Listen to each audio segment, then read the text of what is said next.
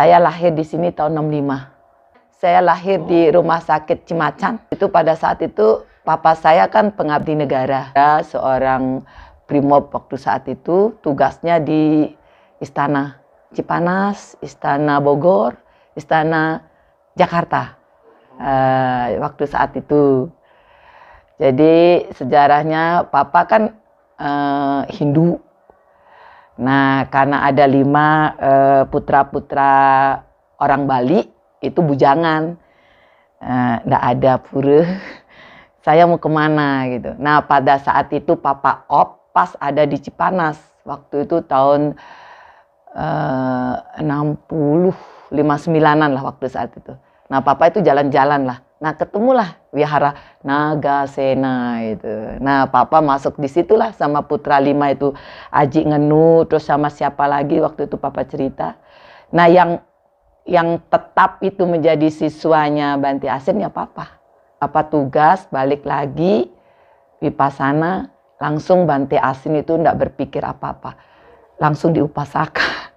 Kalau orang Bali itu di Winten itu ya, jadi mengaku berjanji menjadi umat Buddha.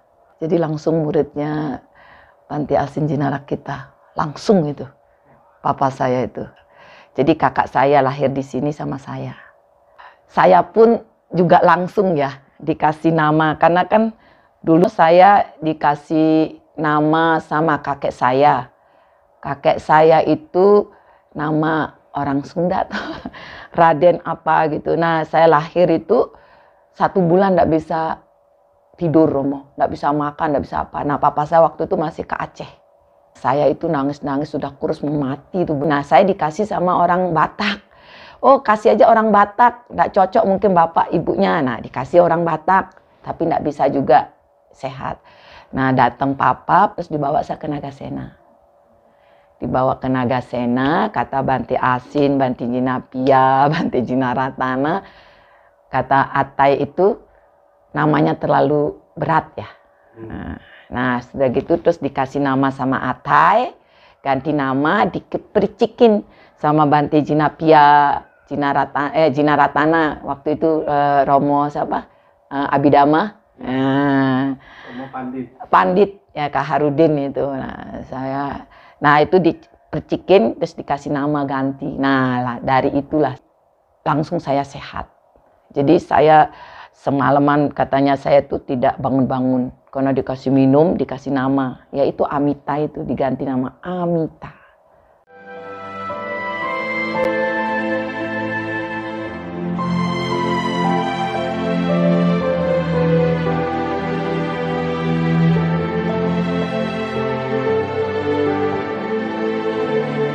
Nah, pada saat itu papa ada tugas terus pulang ke Lombok.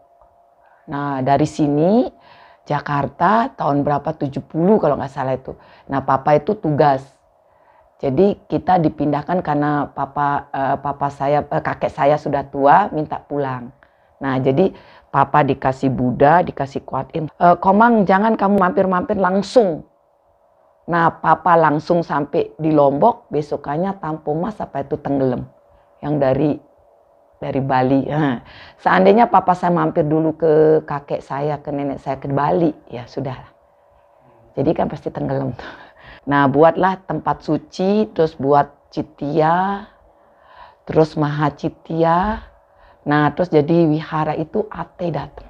Jadi 25 biku sangga termasuk berarti sudah bumi suhu yang datang yang resmikan wiharanya papa pertama satu-satunya di Lombok Wihara Sus, Dama Susena. Papa saya namanya Susena Dama, dikasih sama Atai, upasakanya Susena Dama, nama wiharanya Dama Susena.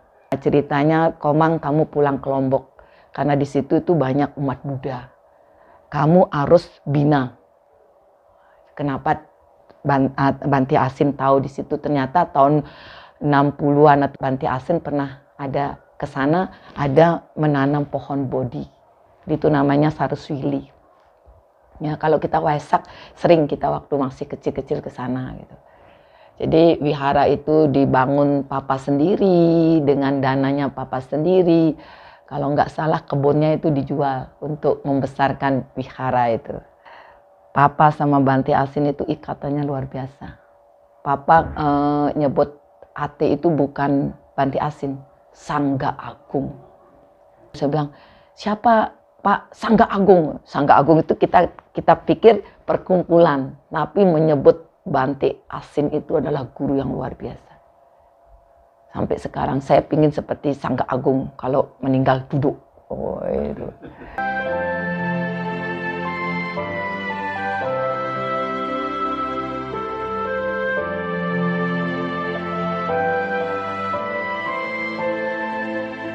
Setiap kalau pulang ke sini Romo, papa itu pasti diajak sama Ate. Tuh kalau bawa duit itu segepal gini mau segini itu. Untuk apa? Ternyata bangun wihara begitu banyak di Lombok itu. Jadi kalau pergi itu pulang ke sini dibawa segini, suhu tensin di, dipamer sama bapak. Dikasih sangka agung. Guys tenang itu. Ya, bukan untuk pribadi bapak ya itu bangun wihara itu. Jadi wihara yang kecil dibangun, didukung sama orang-orang Lombok itu. Jadi bapak saya terkenal di NTB tapi saya tidak tahu orang-orang Tionghoa gitu kan.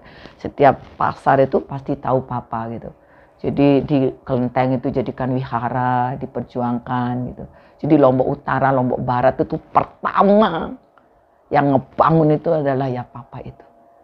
Jadi Banti Jinapia, Banti Giri Rakito, Banti Surubara Ratano, Banti siapa, oh banyak sekali Banti-Banti yang hadir yang datang ke wihara. Termasuk Banti Panyawaru pernah, terus Banti Windama pun, bah Banti luar negeri, udah itu sudah pertama yang di wihara itu. Nah itu kita Hindu, saya pikir wihara itu Citya itu adalah agama Buddha acek-acek, karena yang datang itu orang tua tapi yang berda, yang Dama Desana kan orang tua. Banti Jinapia yang datang, Banti Giri Rakito tinggal di rumah Romo. Oh iya, wihara kan untuk orang tua. Gitu loh. Oh yang datang-datang kan orang-orang pasar, orang-orang toko, orang-orang tua. Acek-acek, pokoknya orang tua semua. Terus ada orang Bali. Tapi tidak ada yang muda. Nah itu dia bilang, aduh saya punya anak perempuan semua. Nanti siapa yang menggantikan ini? Wihara restu Hindu itu semuanya gimana ini nantinya gitu. Nah ya itu setidak-tidaknya saya dikirim sama papa gitu. Jadi saya ingin sekolah kesehatan di Surabaya nggak bisa, gagal ya dibawa saya ke Semarang-Tunggaromo.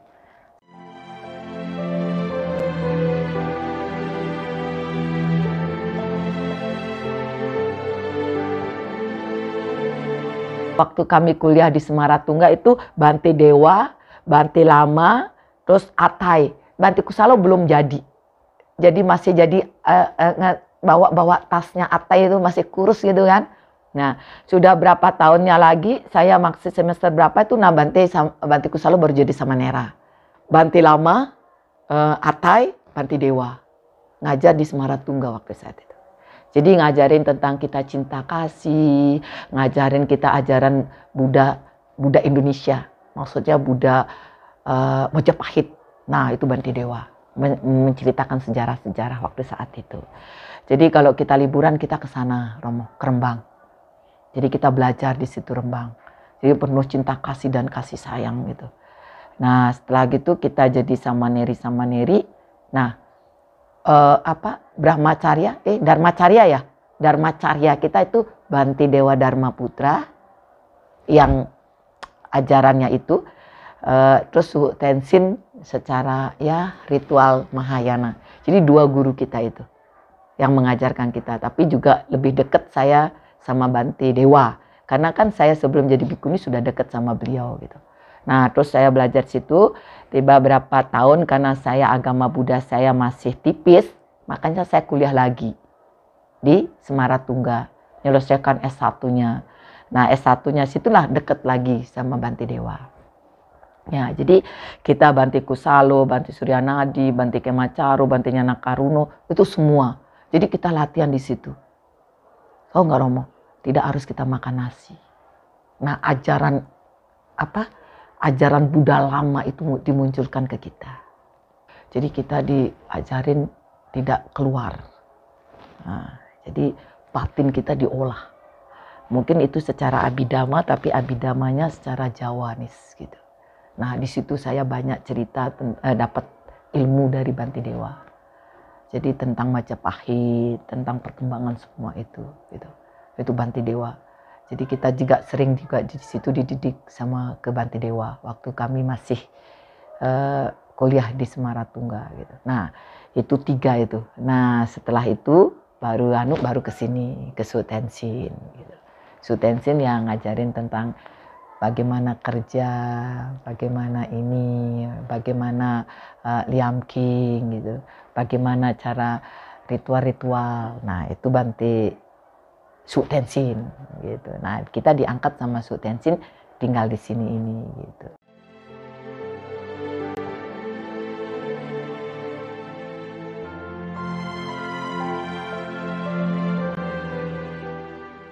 ada satu kenang-kenangan papa yang dibangun wihara itu 10 tahun mangkrak nggak kebangun.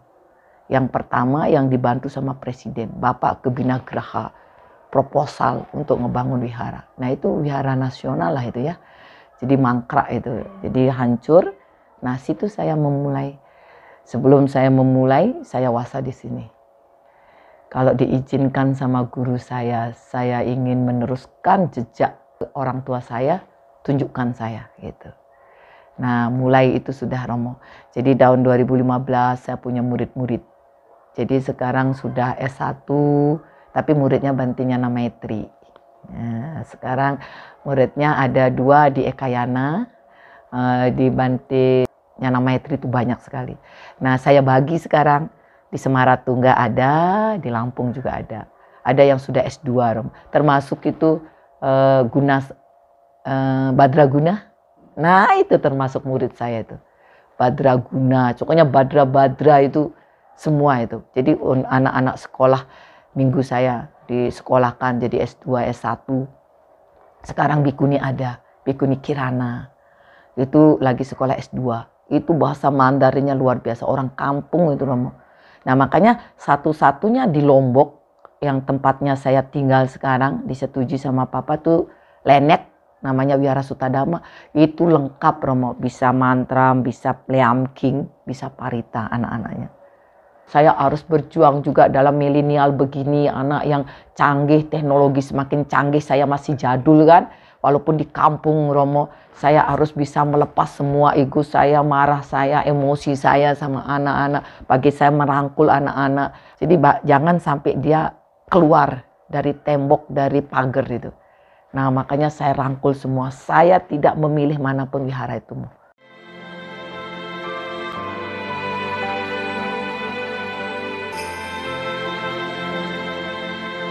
Makanya saya jadi bikuni ini hanya satu. Makanya ditanya sama para biku, sama umat-umat. Terus ditanya, tujuan kamu jadi bikuni untuk apa? Saya bilang, saya ingin menjadi orang baik saya ingin belajar untuk diri saya menjadi orang baik dan saya berbakti kepada kedua orang tua saya. Baik itu saya jadi ketua Sangga Bikuni, saya ke daerah, saya berikan terima kasih kepada guru spiritual saya, terima kasih kepada kedua orang tua saya, saya sudah bisa seperti saat ini. Itu hanya itu, saya tidak ada berpikiran yang lain apa pun.